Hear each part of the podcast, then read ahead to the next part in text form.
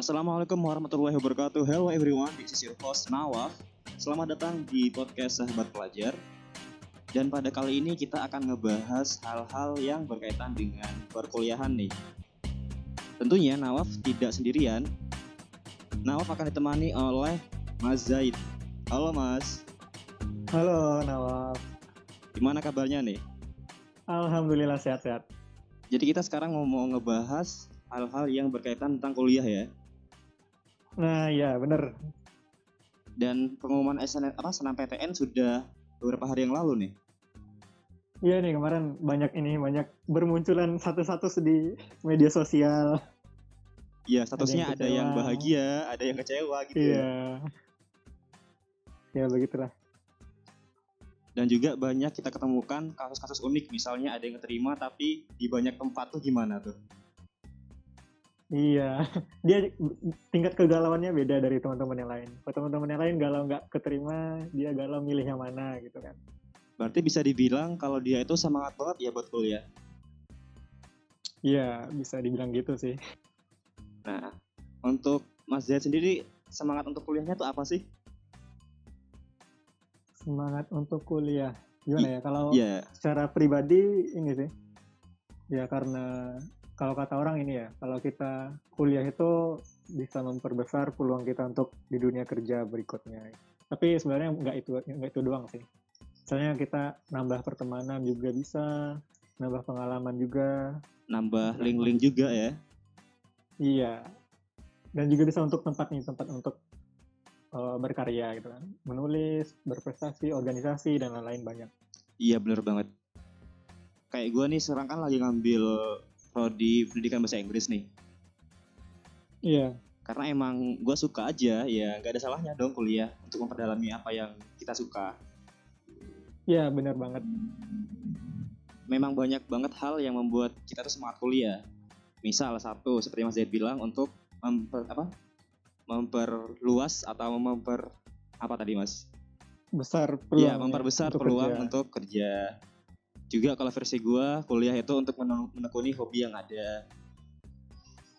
Atau teman-teman juga yang lagi mendengarkan ini punya semacam beban di keluarga untuk menjadi tulang punggung sehingga untuk bekerja harus menempuh perkuliahan.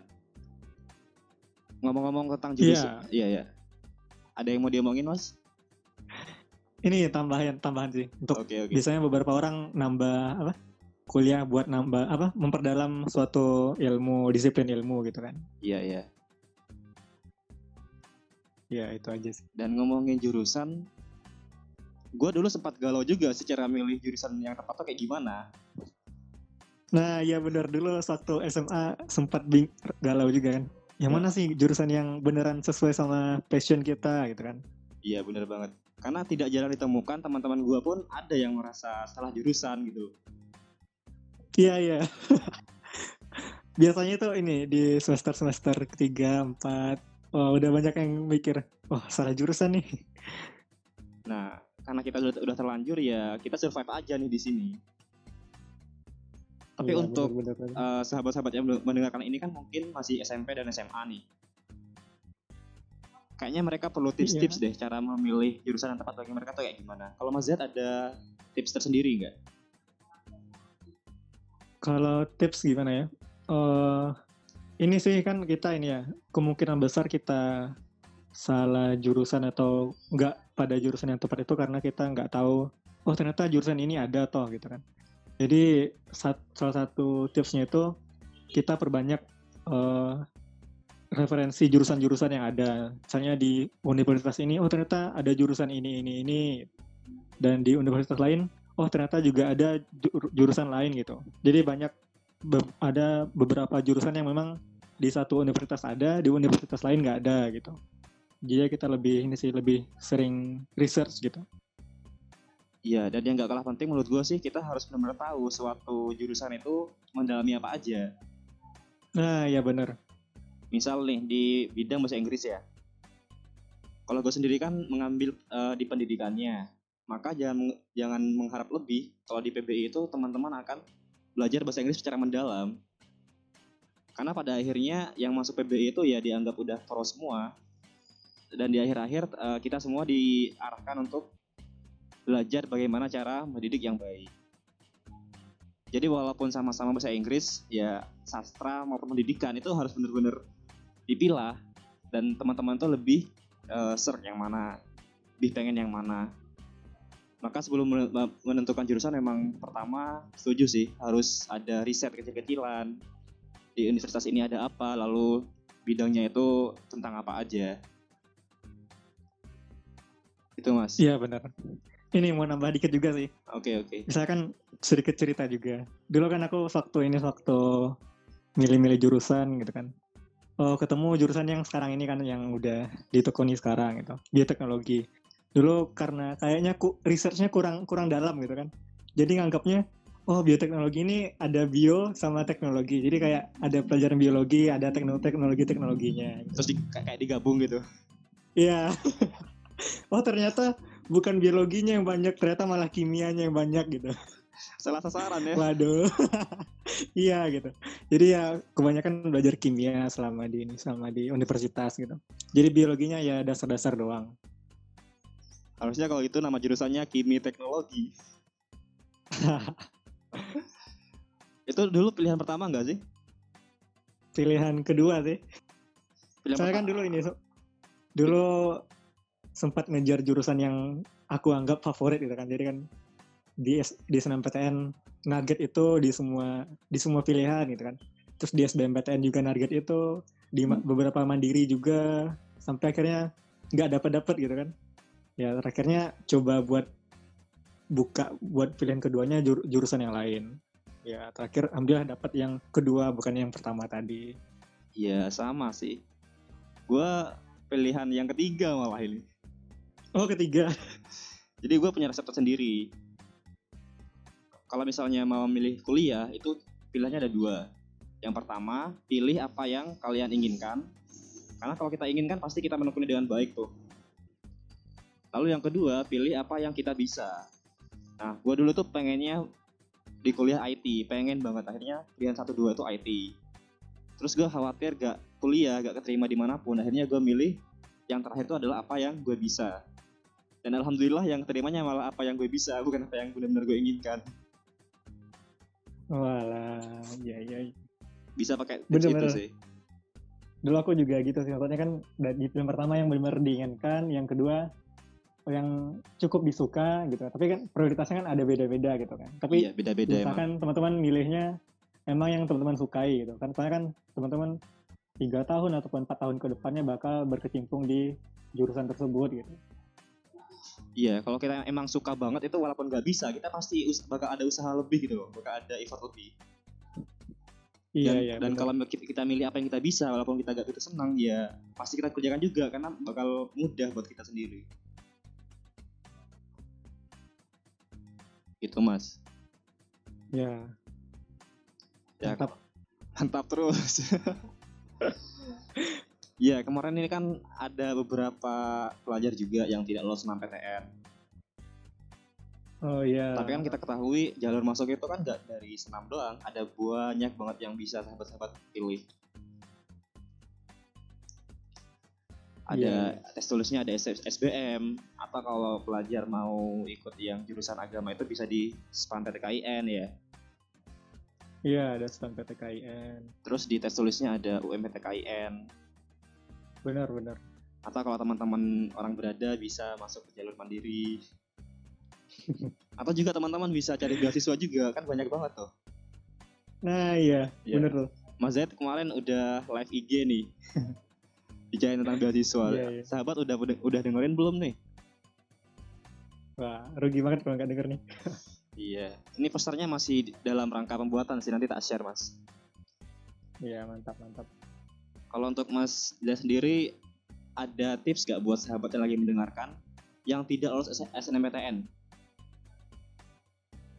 Iya ini mungkin kita berada di ini ya di posisi yang sama dengan teman-teman gitu. Saya kan dari aku sendiri kan emang nggak ini ya nggak lolos di SNMPTN, di SBMPTN, bahkan di beberapa tes mandiri gitu. Sampai akhirnya cuma yang terakhir itu tes cuma di UB gitu, yang diterima.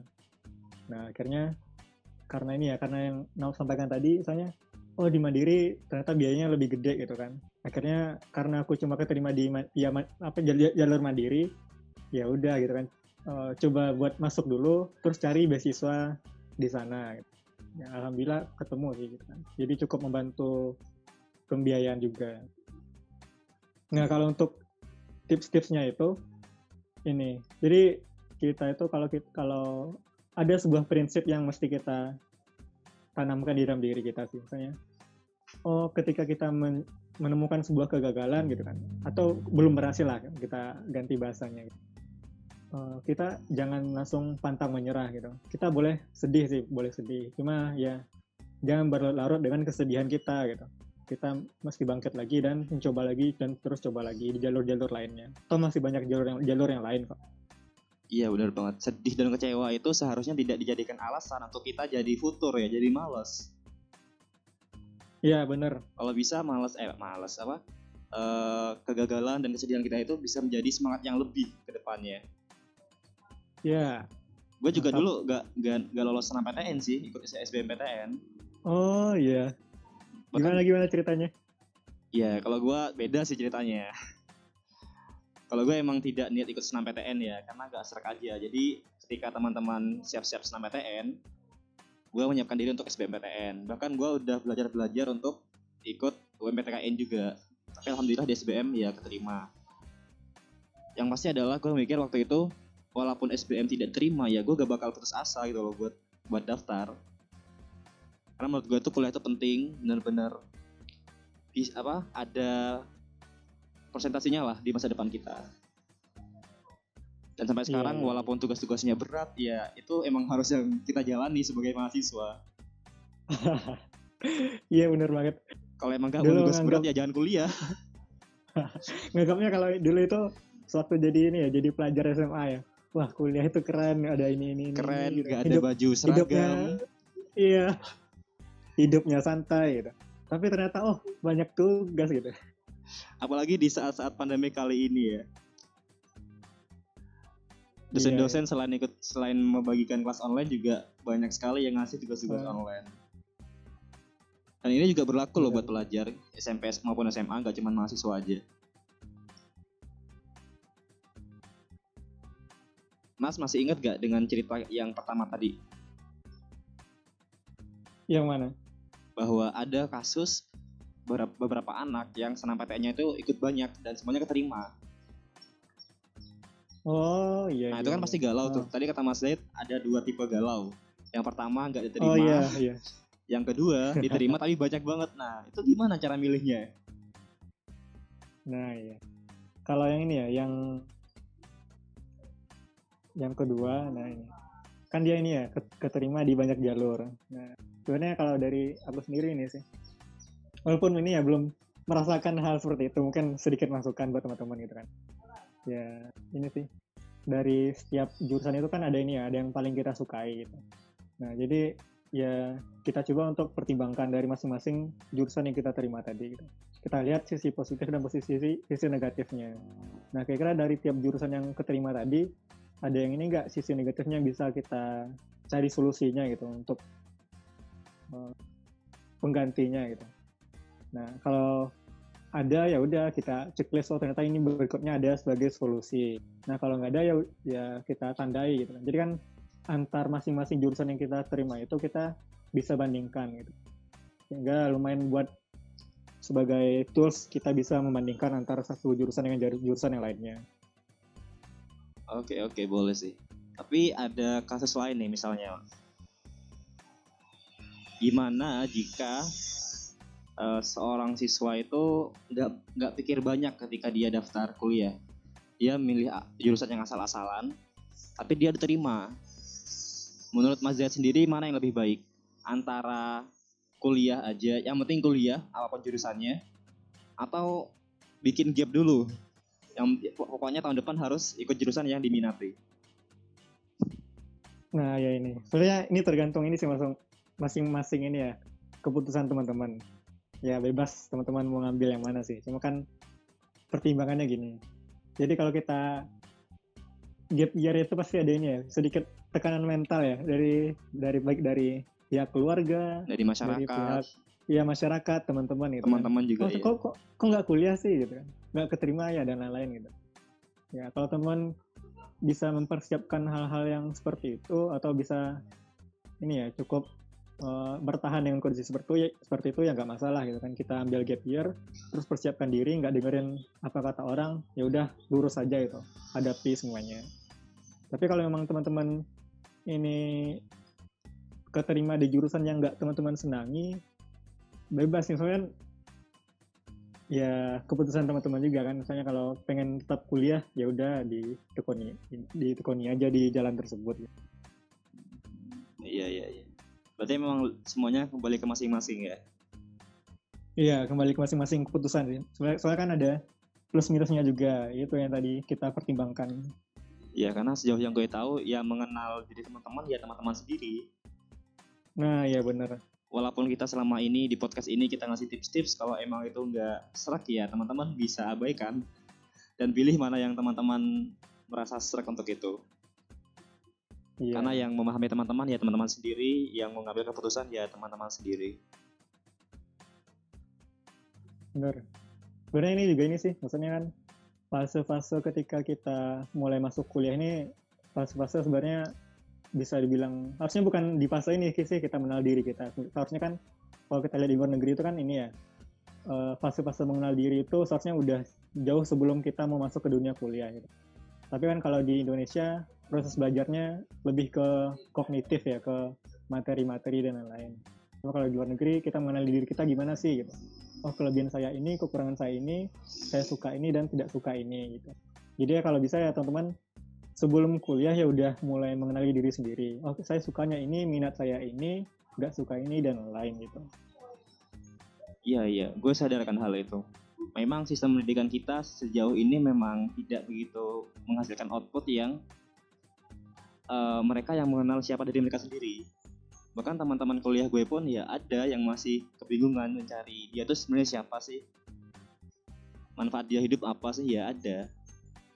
Tapi kalau Iya, teman-teman di SMP SMA sudah matang, udah kenal siapa dirinya, insya Allah ke kuliah itu udah gampang banget. Iya, Teorinya gitu. benar-benar. Teori teorinya gitu. ya teorinya gitu.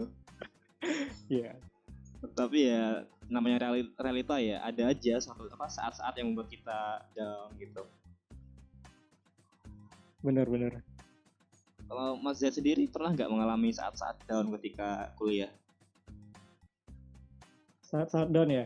iya iya Sebenarnya ini sebenarnya bukan ketika kuliah sih. Ada saat satu kondisi ya yang aku ngerasa ya, oh ternyata ini kondisi yang benar-benar terberat di hidupku gitu. itu ketika ini ketika waktu itu nggak keterima di SNMPTN, nggak keterima di SBM, mandiri-mandiri ikut nggak keterima semua gitu kan. Dan pas waktu itu bulan Ramadan juga gitu kan. Jadi dari, dari keluarga, dari teman-teman nanya oh. Ket- lulus di mana keterima di mana gitu. Jadi kan itu cukup jadi beban ya secara psikis ke, ke diri sendiri.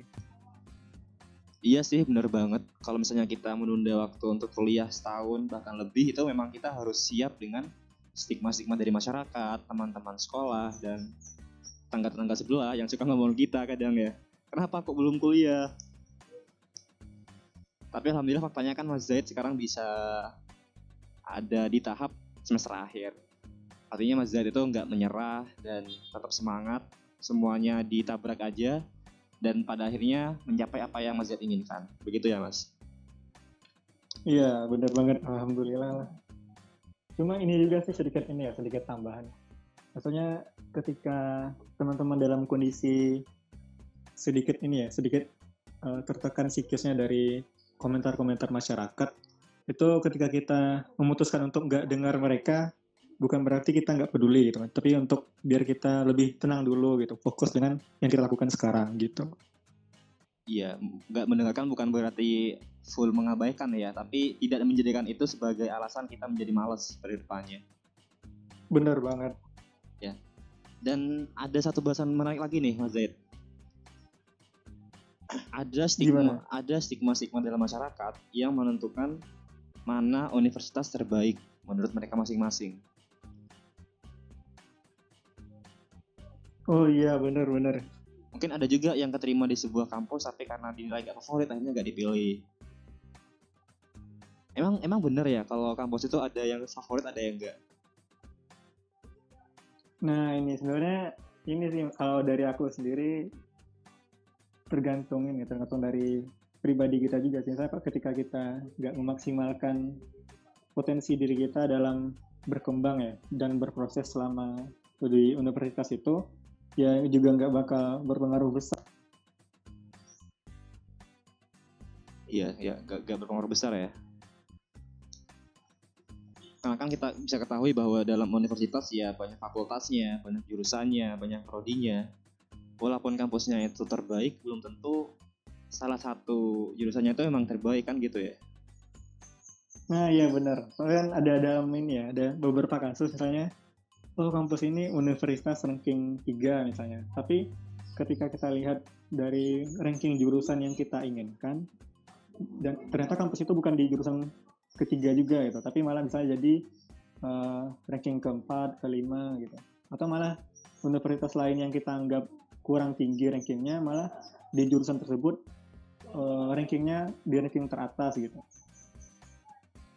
Iya, itu juga perlu diperhatikan sih. Jadi kita tidak hanya melihat sebuah kampus itu bagus atau tidak, kita harus melihat jurusannya, terus track recordnya gimana. Iya benar, benar. Walaupun di Indonesia ada sistem ranking kampus, tapi gue tetap aja nggak suka kalau misalnya ada kampus yang dinilai jelek sehingga tidak pantas untuk dimasukin. Iya, setuju banget. Apalagi misal sampai berujung kepada saling mengolok-olok kampus lu jelek, kampus gue lebih bagus itu wah parah itu. Iya, karena suka aneh aja sih sama mahasiswa-mahasiswa yang ada gitu. Yeah. Karena dia ngeremehin temannya karena di kampus ini dan itu. Iya, iya, iya.